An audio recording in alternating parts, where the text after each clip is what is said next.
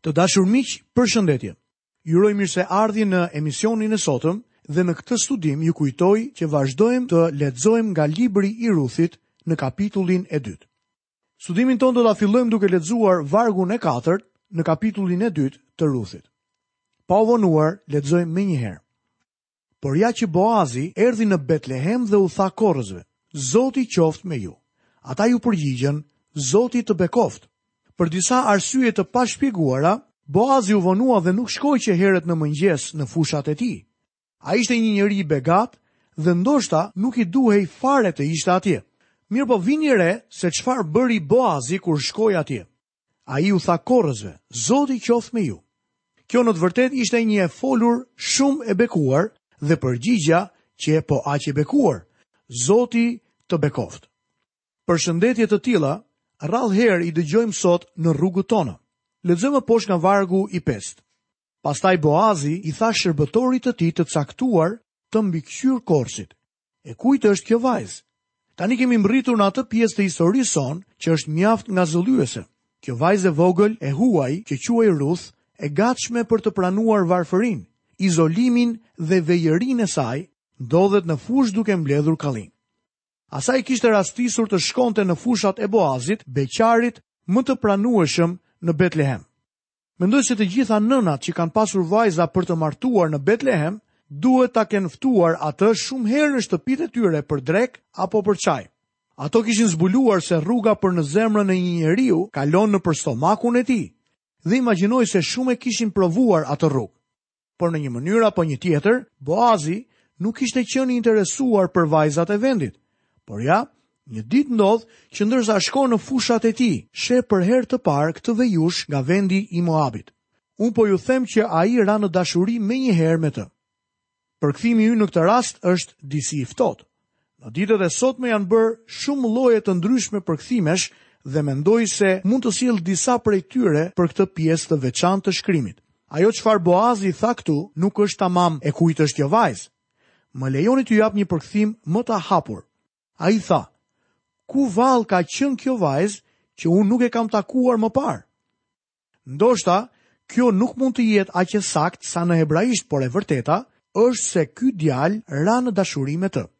Kjo ishte dashuri me shikim të parë. Ndoshta mund të pyesni nëse besoj apo jo në dashurinë me shikim të parë. Po ju them se besoj në të. Boazi ra në dashuri me shikim të parë. Ky njeri ndjeu vërtet diçka për Ruthin dhe kjo ishte romanca në fushat e Boazit. Lexojmë vargun e gjashtë. Shërbëtori i caktuar të mbikëqyrë korrësit u përgjigj. Është një vajzë Moabite që është kthyer me Naomin nga vendi i Moabit. Shërbëtori i tij i tregon Boazit se kush ishte ajo dhe lë të nënkuptojë. Ju me siguri që nuk doni ta njihni atë. Ajo sapo erdhi në fushë dhe mendoj se në një farë mënyre po i kërkon falje Boazit dhe po e siguron që nuk kishte të bënte fare me ardhjen e saj në fushë. Ai vazhdon të shpjegojë. Lexojmë vargun e 7. Ajo na tha, Ju lutem më lini të mbledh kallinjtë midis demeteve prapa korrësve. Kështu ajo erdhi dhe qëndroi nga mëngjesi deri tani. Pushoi vetëm një çast në shtëpi. Edhe pse është mjaft e qartë për ne se Boazi kishte rënë në dashuri me këtë vajzë të vogël të huaj, mbikëqyrësi i tij nuk e vuri re këtë gjë në fillim dhe duket sikur kërkon ndjesë. Kjo grua moabite erdhi këtu dhe kërkoi të mblidhte kallinj dhe nuk doja ta dëboja. Mbi të gjitha, Ligji i Moisiut e lejon atë të vijë dhe të mbledhë kallinj për shkak se është e varfër dhe e huaj. Por ai nuk ka pse të shfajësohet për këtë, sepse Boazi kishte rënë në dashuri me këtë vajzë. Kjo zbulon shumë gjëra për Ruthin. Ruthi e ruajti emrin e saj. Ashtu siç e kishte thënë edhe më parë, ne nuk jemi munduar ta përkthejmë emrin e Ruthit, sepse nuk mendoj se gjendet ndonjë fjalë që mund ta përshkruajë atë. Ruth në fakt do të thotë bukuri dhe personalitet. Ne sugjeruam fjalën magjepsëse. Por kjo fjalë e ka humbur kuptimin e saj të vërtetë nga Hollivudi dhe letërsia, kështu që të jem i sinqertë me ju, nuk e di se çfarë fjale të përdor. Por kjo skenë zbulon diçka nga tërheqja e kësaj gruaje. Atë çfarë nuk kishin qenë të afta ta përmbushnin vajzat e tjera të bukura në Betlehem, e bëri kjo vajzë, madje pa u përpjekur fare. Ajo tashmë kishte zënë pozicionin e saj si një e dëbuar dhe ajo nuk pranon asnjë lloj vëmendje. Do të vini re që habitet kur zbulon se kishte tërhequr vëmendjen e këtij njeriu. pasi mbikëqyrësi i tij në mënyrë shfajësuese i kishte dhënë informacionin që donte, vini re reagimin e Boazit. Ai u kthye dhe i tha Ruthit. Lexojmë në vargun e tetë. Atëherë Boazi i tha Ruthit, Dëgjo bija ime, mos shko në ndonjë arë tjetër për të mbledhur kallinjtë që kanë mbetur, mos u largo që këtej, por rri me shërbëtoret e mia. Më lejoni që të ndaloj për një çast dhe të them që kjo është një gjuhë disi e çuditshme. Përpara nesh ndodhet një njeri që sinqerisht nuk do t'i donte të varfërit në fushat e tij. Ligji i Mojsiut thoshte se ai duhet ta lejonte këtë.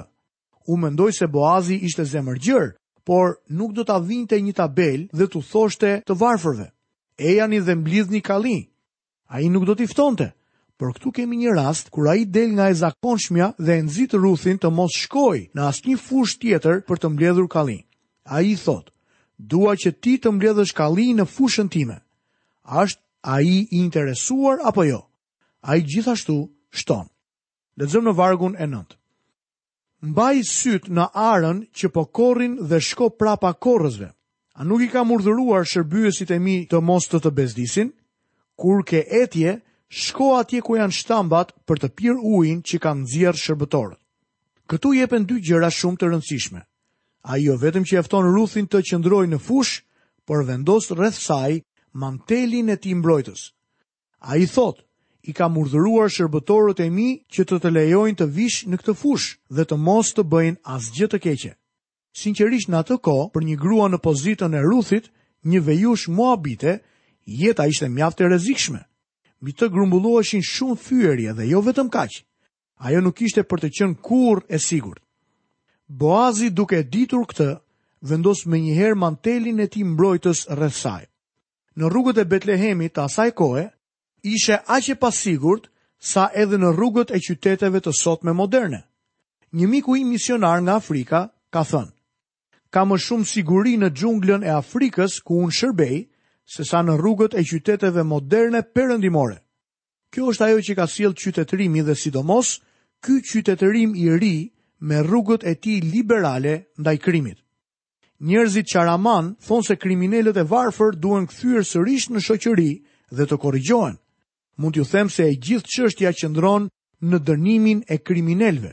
Ky ishte qëllimi i futjes në burg të një krimineli. Ai futej aty vetëm për t'u dënuar. Sa prej tyre po korrigjohen në ditët e sotme? Mund t'ju them se ky lloj mendimi është qesharak sot. Perëndia e di këtë sepse e njeh familjen njerëzore. Ai më njeh mua dhe ty. Ai e di që unë dhe ti kemi një natyrë të vjetër dhe për sa kohë që nuk kthehemi tek Jezu Krishti, nuk mund të korrigjohemi vetë. Vini re tani reagimin e Ruthit ndaj këtij xhesti shumë fisnik dhe bujar nga ana e Boazit. Lexojmë vargun e dhjetë. Atëherë Ruthi u shtri përdhe duke rënë përmbys me fytyrën përtokë dhe i tha: Për çfarë arsye kam gjetur kaq hir në sytë e tu, sa ti të kujdesesh për mua që jam një e huaj? Kur shkrova librin tim Ruthi, romanca e shpengimit, kam shkruar këtu se Ruthi po tregohej ose naive, ose lozonjare, duke luajtur me shumë zgjuarsi kur e pyeti, pse kam gjetur kaq hir në sytë e tu, sa ti të kujdesesh për mua që jam një e huaj. Por tani sinqerisht nuk e kam më atë mendim. Ajo nuk ishte e tillë. Ajo u paralajmërua për situatën e saj nëse do të kthehej në Betlehem me Naomin. Kjo ishte arsyeja pse gruaja tjetër moabite, Orpau, nuk erdhi. Orpau nuk do ta bënte atë sakrificë. Ajo nuk ishte e gatshme të mbetej vejush përgjithmonë, e varfër për pjesën e mbetur të jetës së saj dhe njëkohësisht e izoluar. Për këtë arsye mbeti në vendin e Moabit. Por Ruthi erdhi duke i marrë parasysh të gjitha. Kur hyri në fushën e Boazit, nuk e kishte ëndërruar kurrë që mund ta vinte re dikush. Në fakt, ajo po priste që të gjithë t'i kthenin shpinën, sepse hebrenjtë nuk kishin lidhje fare me moabitët.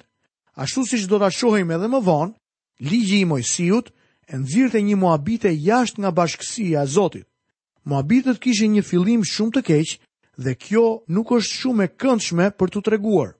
Për këtë arsye u është dhënë kjo pozitë e ulët. Por libri i vogël i Ruthit zbulon diçka shumë interesante. Thyen barrierat raciale dhe Perëndia është i interesuar dhe i do edhe ata që kanë mbi vete damkën dhe gjykimin. Kjo është pamja jonë sot. Kur ende ishim mëkatarë, Krishti vdiq për ne. Pali apostull thotë se ju nuk keni për të gjetur dashuri të tillë në këtë botë sot. Vetëm Perëndia është i interesuar në të vërtetë për njerëzit. Ju nuk keni për të gjetur asgjikundi një dashuri të tillë si ajo e Zotit për mëkatarët. Por këtu gjejmë një ekspozim të saj dhe kjo është arsyeja që Ruthi thotë: Pse kam gjetur hir në sytë e tu? Ajo është plotësisht e befasuar, është e huaj dhe e dëbuar. Mendoj se pyetja që po bën është e sinqertë. Ajo nuk mund ta kuptojë këtë thyerje të barrierave sociale. Këtu tregohet një interes që ajo nuk e pret. Unë mund t'i përgjigjem pyetjes së Ruthit shumë lehtë. Vetëm nëse do të shkonte në shtëpi dhe do të shihej në pasqyrë, do ta kuptonte arsyen. Ajo është e bukur, e këndshme dhe tërheqëse. Ka gjithçka që është e dëshirueshme tek një grua apo një vajzë dhe për këtë arsye Boazi ra në dashuri me të. Unë mund t'i përgjigjem kësaj pyetje. Por është një pyetje të cilës nuk mund t'i përgjigjem dot, pse e kam gjetur hir në sytë e Zotit. Mos më thoni të shkoj në shtëpi dhe të shihem në pasqyrë, sepse tashmë e kam bërë. Në të vërtetë, miq, imazhi është diçka që nuk është shumë tërheqës. Unë nuk e shoh përgjigjen në pasqyrë, por Perëndia na ka dhënë hir. Ka njerëz që e konsiderojnë temën e librit të Ruthit si dhënia e hirit. Hiri i Zotit është shfaqur këtu në hirin ndaj kësaj gruaje. Dhe unë pajtohem plotësisht me këtë që ky është një shembull i mrekullueshëm i hirit. Kur unë dhe ti të shkojmë në praninë e Zotit, mund të bëjmë të njëjtën pyetje si Ruthi. Pse kam gjetur hir në sytë e tu? Ne nuk mund ta gjejmë dot përgjigjen brenda vetes sonë. Nuk jemi të dashur, të bukur për të. Nuk jemi tërheqës. Nuk i kemi ato cilësi që admiron, shpërblen dhe respekton Perëndia. Ne jemi mëkatarë dhe rebelë ndaj Zotit. Pavarësisht të gjitha këtyre, Perëndia na do. Kjo është një nga të vërtetat e mëdha të fjalës së Zotit. Ai e tregoi atë dashuri sepse ndërkohë që ishim mëkatarë, Krishti vdiq për ne. Ai shtriu hirin e tij ndaj nesh, miqtë e mi. Kjo është baza mbi të cilën na shpëton Perëndia sot. Ai nuk ka asnjë arsye tjetër për të na shpëtuar. Lexojmë vargun e 11. Boazi iu përgjigj duke thënë: Më kanë treguar të gjitha ato që ke bërë për vjehrrën tënde mbas vdekjes së burrit tënd, dhe se si ke lënë atin tënd, nënën tënde dhe vendlindjen tënde për të jetuar me një popull që nuk e njihje më parë. Arsyeja pse Boazi nuk e kishte takuar Ruthin më parë, kur ishte kthyer në vend me Naomin, ishte se ai ndoshta kishte qenë në një nga ato fushatat e panumërta që u bënë në kohën e gjyqtarëve. Besoj se e mbani mend se Boazi përshkruhej si një njeri i fuqishëm dhe i pasur, por edhe si një njeri i fuqishëm i ligjit dhe i luftës. Pa dyshim që ishte ushtar. Kështu që me shumë mundësi mund të ketë qenë jashtë qytetit dhe kur u kthye, dëgjoi fjalët e njerëzve për këtë vejushë që ishte kthyer bashkë me Naomin. Gjërat që ishin thënë për të ishin shumë të mira. Betlehemi ishte i përfshirë nga thashethemet si shumë vende të tjera. Ata bënin thashetheme edhe për këtë vajzë të huaj. Gjithsesi, thoshnin fjalë të mira, gjë që ishte e pazakontë. Lexojmë vargun e 12. Zoti të shpërbleftë për ato që ke bërë dhe shpërblimi yt të jetë i plotë nga ana e Zotit, Perëndisë së Izraelit, nën krahët e të cilit erdhe të strehohesh. Ajo kishte ardhur për t'i besuar Zotit. Kjo ishte arsyeja pse la vendin e Moabit dhe mori atë vendim thelbësor. Ruthi tha se Zoti i Naomit do të ishte Zoti i saj. Ruthi u largua nga idhujtaria për të shkuar tek Zoti i gjallë dhe i vërtetë. Kjo grua kishte ardhur për t'i besuar Zotit. Ajo ishte një nga fëmijët e tij. Prandaj kjo ishte dëshmia e mrekullueshme që kjo grua kishte atje në vendin e Izraelit. Boazi tha, le të jepet një shpërblim i plotë nga Zoti dhe që ti të shpërblehesh për këtë vendim. Nëse Boazit do t'i duhej të bënte ndonjë gjë, do të kujdesej që ajo të merrte shpërblimin e plotë. Kështu fillon menjëherë të punojë për fundin. Ai ka rënë në dashuri me të dhe do ta shpengojë. Ajo ka nevojë të jetë e shpenguar. Lexojmë vargun e trembëdhjetë. Ajo i tha: Le të arrij të më shikosh me sy të mirë, o Imzot, sepse ti më ke ngushëlluar dhe i ke folur zemrës së shërbëtores sate, megjithëse unë nuk jam as një nga shërbëtoret e tua. Reagimi i Ruthit në këtë rast është interesant. Ajo nuk ka pritur ndonjë ngushëllim, nuk priste aspak që t'i drejtoheshin në mënyrë miqësore, dhe arsyeja ishte se nuk ishte as sa një nga shërbëtorët e tij. Kjo me shumë mundësi ishte arsyeja që Boazi e vuri re. Ajo nuk ishte si vajzat e tjera. Në ditët e sotme ne jetojmë në një shoqëri që diskuton shumë për të qenit një individ dhe për mendimet individuale. Kohë më parë kam pasur një sesion me një grup studentësh në kolegj. Kjo është mosha kur në zemrat e tyre ndodhin gjëra të tmerrshme. Janë rebelë sepse po çlirohen nga lidhjet e vjetra. Perëndia na ka krijuar qëllimisht në këtë mënyrë. Këta të rinj po flisnin për të qenit një individ, për marrjen e vendimeve të tyre dhe për të qenit indiferentë. A e dini çfarë? Gjithsecili dukej i ngjashëm me tjetrin. I mbanin flokët në të njëjtën mënyrë, vishnin të njëjtin tip rrobash dhe shpreheshin në të njëjtën mënyrë. Nuk mund të bëja gjë tjetër veçse të qëndroja ulur dhe të qeshja. Ata më pyetën se përse po qeshja. Është interesante të dëgjosh njerëz që duan të jenë ndryshe por në fakt duan të jenë si turma.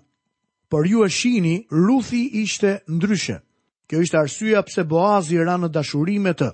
Disa prej nesh duan të jenë disi ndryshe, jo domosdoshmërisht në veshje, por në rrugë të tjera. Nëse je fëmija i Perëndisë, je ndryshe. Si fëmijë i Perëndisë, ti mendon ndryshe nga turma. Ti duhet të mendosh kështu. Të dashur miq, këtu ka arritur dhe fundi i studimit për sot. Nga vlla juaj në Krishtin Akil Pano, paçi të gjitha bekimet e Perëndisë dhe paqen e tij në jetën tuaj. Bashkë mirudëgjofshim në emisionin e ardhshëm.